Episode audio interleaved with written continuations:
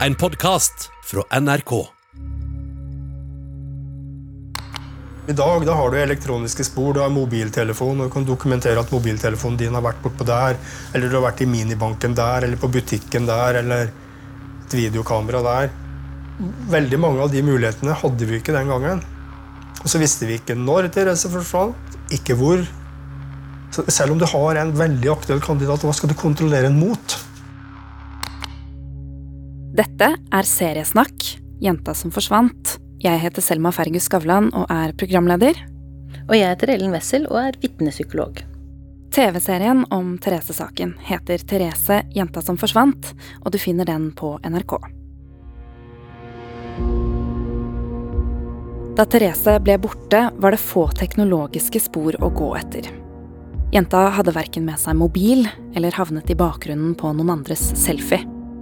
Hun var ikke til å spore opp på internett, og hun ble ikke fanget på overvåkningskameraer.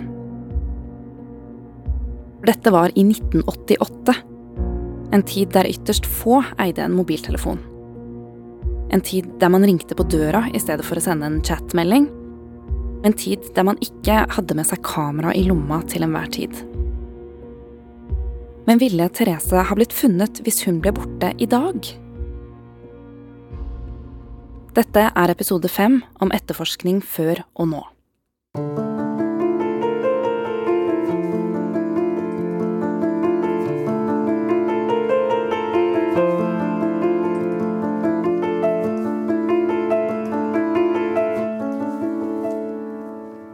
Ni år gamle Therese forsvant etter en tur i kiosken i 1988. I denne episoden skal vi gå nærmere inn på hvilke metoder og hjelpemidler etterforskerne satt med den gangen, og hvordan blant annet teknologi, DNA og kunnskap om vitnepsykologi har endret måten man etterforsker sånne saker på i dag. Hvilke muligheter har politiet i dag som de ikke hadde i 1988, Ellen? Teknologien er jo en helt annen enn for mer enn 30 år siden. Det har skjedd enorme endringer med hensyn til tekniske analyser av biologisk spor og digitale spor. Mulighetene til å etterforske politibilen på vei til åstedet er nå en mulighet som man absolutt ikke hadde den gangen. I tillegg er det utstrakt bruk av overvåkning i samfunnet, og enkeltpersoner etterlater seg jo også enormt med digitale spor. Det var en lokal journalist som hadde tatt flyfoto av bydelen Fjell og fikk satt det over på transparenter. Da får du ned den. Dette er altså 80-tallets tekniske verktøy. Etterforsker Håkon Grøtland snakker om en overhead. Den viser frem lysbilder trykket eller tegnet på gjennomsiktige ark. Vi lever jo i en helt annen digital verden nå enn på 80-tallet. Hva har det hatt å si for etterforskningen av saker? Jo, muligheten til å følge elektroniske spor, som kan gi oss eksakte tidspunkter for menneskers bevegelser, er en helt annen i dag. Vi etterlater oss jo uendelig med spor. Fra mobiltelefoner, klokker, elektroniske duppeditter i hjemmet, i bilene våre. I tillegg til at det blir registrert av overvåkningskameraer og bomstasjoner. Bankkortet vårt kan jo avsløre hva vi kjøper når. Eh, det er en fantastisk fordel for politiet. Eh, men det utfordrer jo retten til privatliv. Så det er jo kun i alvorlig straffbare lovbrudd at politiet kan få tilgang til overvåkningsvideoer eller tilgang til basestasjonstrafikk f.eks. Men den fordelen politiet har, er jo også de kriminelles eh, fordel. For de utnytter seg jo også av denne utviklingen, og ligger dessverre ofte foran politiet. Og som kriminell i dag trenger du ikke bli møkkete på henda eller etterlate deg fysiske spor for å stjele eller begå overgrep. Darkroom-saken er jo en dystert eksempel på det. Operasjon Darkroom er navnet på en etterforskning ledet av Vest politidistrikt. Målet er å avdekke overgrep, chat eller bildedeling på det mørke nettet. Dette er steder på internett der man tilsynelatende har kunnet være anonym og ikke kunne spores. I Darkroom-saken så ser vi jo at seksuelle overgrep gjennomføres uten noen form for fysisk kontakt mellom overgriper og offer. Den kriminelle kan befinne seg en helt annen side av jordkloden. Og politiet, og særlig etterforskerne i dag, trenger jo andre ferdigheter enn å kunne løpe fort, skyte godt, kjøre bil raskt. Ehm, så det er en eh, stor endring. Det å kunne noe om det digitale og den etterforskningen blir svært viktig. Digitale bevis er jo én eh, ting som har blitt eh, mye bedre og mer tilgjengelig. Men i dag så slås det ofte i bordet med DNA-bevis også. Første gang DNA-bevis ble brukt i en norsk rettssak, var i 1988, i en voldtektssak. Men dette var jo samme året Therese forsvant. Så hvorfor brukte man ikke DNA-bevis i Therese-saken? Altså, det var jo ikke mulig å hente ut DNA-profil i Therese-saken, eh, spesielt fordi Therese aldri ble funnet, så man har ikke noen levninger eller et åsted der man kunne finne biologiske spor. Og tidligere eh, så trengtes det større mengder av blod, spytt eller hudceller for å få ut eh, en DNA-profil. En blodfrekk f.eks. måtte jo ha størrelse på en bruskork. Og det å fremkalle en DNA-profil tok også én til to uker. I dag trengs svært lite materiale, altså et hårstrå kan være nok for å hente ut en profil, og den kan være klar i løpet av en arbeidsdag. I dag har vi også et DNA-register. Det ble opprettet i 1998. Og alle som har utført alvorlige kriminelle handlinger de har blitt dømt for, som seksuelle overgrep, vold mot barn eller voldtekt eller drap, får DNA-profilen sin eh, registrert i dette registeret. Eh, tidligere var det også kun spesialister i politiet som sikret spor. I dag skal politistudentene lære å sikre spor uten å forurense gjennom oversmitting f.eks. Så de samler selv inn sporene. Men det er fortsatt sånn at det er en rettsmedisiner som analyserer dette. Men hvor treffsikkert er DNA, da? DNA er svært treffsikkert. Bare du har din DNA-profil, med unntak av en egennegget tvilling. Eh, hos mistenkte kan DNA-testen begrunne mistanken og føre til domfellelse. Biologiske spor som blodflekk, hårstrå, spytt eller hudceller kan i små mengder holde til at rettmedisinerne klarer å utarbeide en profil. Men en DNA-profil alene har ingen verdi og kan ikke identifisere noen. Det er først nyttig når politiet har en DNA-profil å sammenligne med. Therese blir jo aldri funnet, så DNA-spor fra henne fra et åsted eller den skyldige kan ikke oppdreves. Men etterforskerne den gangen, de tok vare på en del av gjenstandene hennes og sikret dette i 1988. Og i dag har vi klart å hente frem hennes DNA-profil. Det er snakk om et 32 år gammelt viskelær og putevar med 32 år gamle DNA-spor, som man med dagens metoder har klart å finne Thereses DNA på. Det er mulig nå fordi disse tingene ble oppbevart på riktig måte, og fordi det fortsatt satt igjen DNA-spor etter alle de årene. Dette viser jo at DNA-teknologi har kommet en lang vei siden 80-tallet, og det betyr at hvis det skulle dukke opp levninger etter den lille jenta i dag, eller hun skulle bli funnet i live, så ville man kunne si med sikkerhet at det er henne. Det har altså skjedd mange store tekniske fremskritt innenfor etterforskning siden 80-tallet. Men Ellen, hvilke ting har endret seg i synet på psyken og rettspsykologi? Nå er det for det første relativt stor enighet blant de som praktiserer med utgangspunkt i vitenskapelig teori og vitenskapelige metoder, at fortrengte minner som forekommer i terapi uten at personen tidligere har eh, husket noe, er, eh, vekker mistanke og er lite sannsynlig. I Therese-saken trodde jo derimot terapeutene på at Kvikk nettopp hadde fortrengte minner. I dag er anbefalte traumebehandling at man utøver varsomhet i behandlingen pga. muligheten for å skape falske minner. Man er altså bevisst på at visualiseringsteknikker eller hypnose kan føre til falske minner. Så det begynner å bli kjent kunnskap for politiet. Eh, de får denne gjennom utdanningen og har også lært ganske mye av de sakene som har gått ordentlig gærent. Vitnepsykologien har jo også bidratt til at rettspsykologen har større forståelse for vitners begrensede pålitelighet og påvirkbarhet. Langt flere innenfor rettspleien er bevisst på at feil, hukommelse og falske minner kan skapes av et vitne selv, men også fra andre vitner eller fra behandler eller i avhøret av etterforsker. Vi vet at uh, vurderingene og beslutningene våre kan påvirkes av feil kilder. Ikke bare i dagliglivet, men også i etterforskningen. Og det har jo ført til en endring av disse metodene politiet jobber etter. Ikke minst for å redusere bekreftelsestendensen og tunnelsynet. Og løgn. De fleste er opplyst om at vi kan ikke avsløre en løgner ved å observere en person.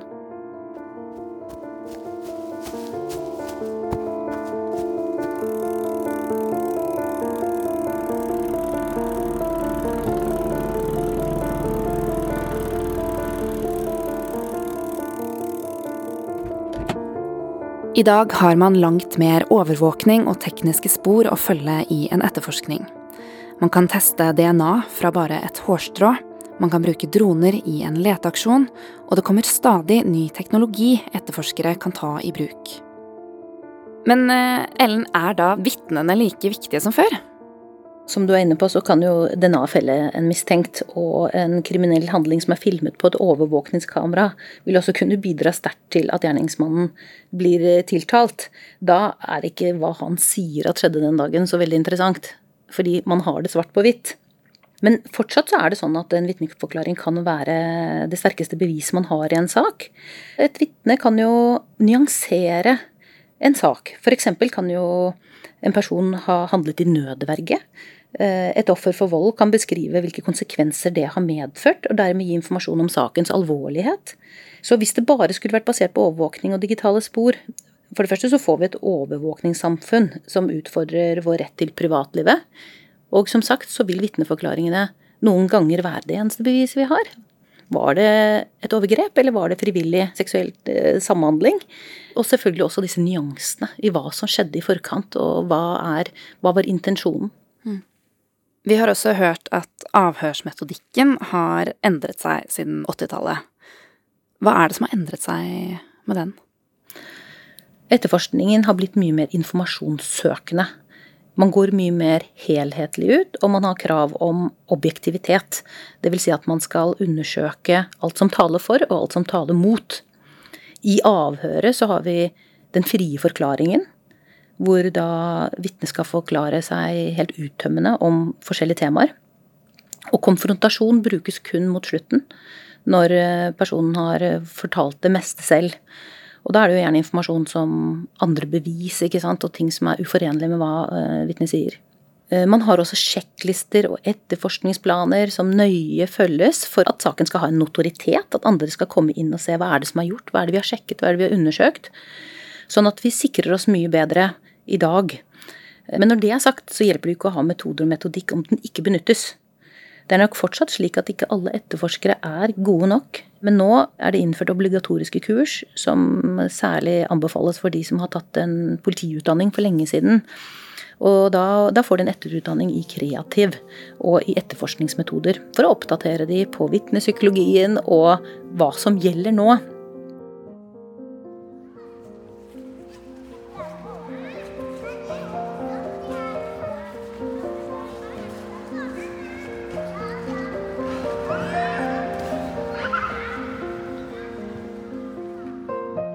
Hva hadde vært det første som hadde skjedd om Therese hadde blitt borte i dag? I dag har man en rutine på hvilke hypoteser man bør sette opp i en savnet Og det er jo nummer én drap. To bortføring. Tre frivillig forsvinning. Fire ulykke. Fem sykdom. Seks selvdrap. Politiets viktigste fokus skal jo alltid i en savnet være å forhindre skade på liv eller helse. Når det gjelder barn som er savnet, vil man raskt etterforske med tanke på barnets liv og helse. Og eh, sykdom er kanskje ikke så sannsynlig, og i hvert fall ikke selvdrap på så små barn. Så man ville nok gjort mye av det som ble gjort den gangen, og jeg tror jo kanskje veldig mange av disse hypotesene også var aktive for etterforskerne da. De hadde rundspørringer, de gikk manngard, de gjennomsøkte bygninger og områder rundt. Men i dag, det er klart, samtidig så ville man hatt teknologien som sørget for at eh, man fikk sikret seg videoer fra en rekke overvåkningskameraer. Eh, fra kiosken, selvfølgelig. Fra bensinstasjoner og bomstasjoner. Digitale spor fra mobiltelefoner kan gi svar på hvem som befinner seg på fjell, og eventuelt hvem som beveger seg bort derfra. Noen av moduskandidatene, som man faktisk avskrev den gangen, kunne man kanskje sjekket inn igjen ved at digitale spor kunne sagt noe annet enn og vært et sterkere bevis enn et eller annet alibi så hadde bortføringen skjedd i dag, hadde nok personene vært bevisst på de som bortførte, å skjule sine spor òg, da. For de kriminelle har jo også kompetanse.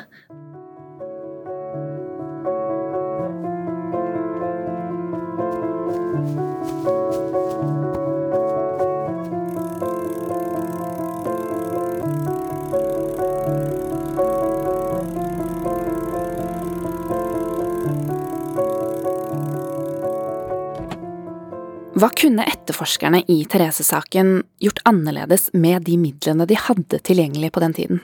Jeg tror politiet gjorde en enorm jobb. Eh, det ser vi i dokumentarserien. De var svært dedikerte og samvittighetsfulle. De favnet bredt og hadde mange hypoteser som utløste en rekke etterforskningsskritt. Og jeg tror tankegangene er i tråd med slik man jobber nå. Men det er klart effektiviteten i analysene og muligheten til systematisk å sortere og legge ting inn i effektive systemer er jo helt annerledes i dag. Men uh, i Therese-saken, hvor var det problemene relatert til vitnepsykologi egentlig startet? Problemene som er av vitnepsykologisk interesse, begynner i Therese-saken når Kvikk kommer på banen med hans tilståelse. Tilståelser har nemlig en tendens til å bekrefte tenkningen som videre gir tunnelsyn. Og da er vi villige til å lempe litt mer da, på bevis og vri på det som ikke passer. Og her begynner de store feilene å skje. Man stiller ikke nok kritiske spørsmål til hva som foregår i etterforskningene og i behandlingen i Sverige, f.eks. Dette bekrefter jo den norske statsadvokaten Kvikstad når han sier at vi trodde de etterforsket som oss. Vitnepsykologisk forskning viser at vi alle har en tendens til å være blinde for hvordan informasjonen vi har fått i ettertid, påvirker oss. Og etterpåklokskap er en feilkilde, det også, eh, fordi den tar ikke høyde for hva som ikke var tilgjengelig kunnskap den gangen. I 2019 kom Kripos sin cold case-gruppe med en rapport hvor de bl.a. hadde sett på den tidlige etterforskningen av Therese-saken. Konklusjonen der var at de norske etterforskerne hadde gjort en god jobb. Kunne Therese-saken ha blitt oppklart hvis den skjedde i dag? Det kan man ikke si sikkert, eh, men med den teknologien vi har i dag, er det nærliggende å tenke at eh, man kunne spore en bortføring, hvis det var det som har skjedd. Det kan også hende at vi hadde vært mer skeptiske og kritiske til det som skjedde i Sverige. Ikke minst vet politiet i dag at fortrengte minner som plutselig dukker opp, eh, bør man være skeptisk til. Men vi har jo ingen levninger og intet åsted. Og det vil jo alltid være en utfordring i slike saker. Men selv med alle disse fremskrittene som er gjort innenfor etterforskning siden 80-tallet, så har man ingen garanti for at en forsvinningssak løses. Et eksempel på dette er jo Anne Elisabeth Hagen, hun har vært sporløst borte i over to år. Er det flere saker som ville vært løst hvis vi visste det vi vet om vitnepsykologi i dag? Det som er sikkert, er at vi har færre saker der uskyldige blir dømt. Og de fleste drapssaker blir oppklart. Men vi har fortsatt et problem med store henleggelsesprosenter. Og spesielt kanskje i voldtektssaker. Så det, vi er ikke helt i mål. I denne podkasten har vi gått gjennom hvilke menneskelige karaktertrekk og mekanismer som ligger bak en etterforskning. Fra vitners troverdighet og hukommelse til tiltaltes forføreriske evner og etterforskernes fare for å få tunnelsyn. I Therese-saken har vi lært at uansett hvor mye ressurser som blir satt inn, hvor mange arbeidstimer som blir lagt ned, og hvor enormt ønsket om å finne jenta er, så vil det alltid kunne være fallgruver. Og det er en ting som ikke har endret seg siden 1988, for vi er tross alt bare mennesker. Dette er siste episode av Seriesnakk Jenta som forsvant. Tusen takk for at du hørte på. Du kan se TV-serien Therese jenta som forsvant på NRK. Denne podkasten er produsert av Monster for NRK. Den er laget av Robin Hansen Tangen, Edvard Karior, Vanja Strømstad og meg, Selma Fergus Skavlan. Redaktør for NRK er Marie Sjo.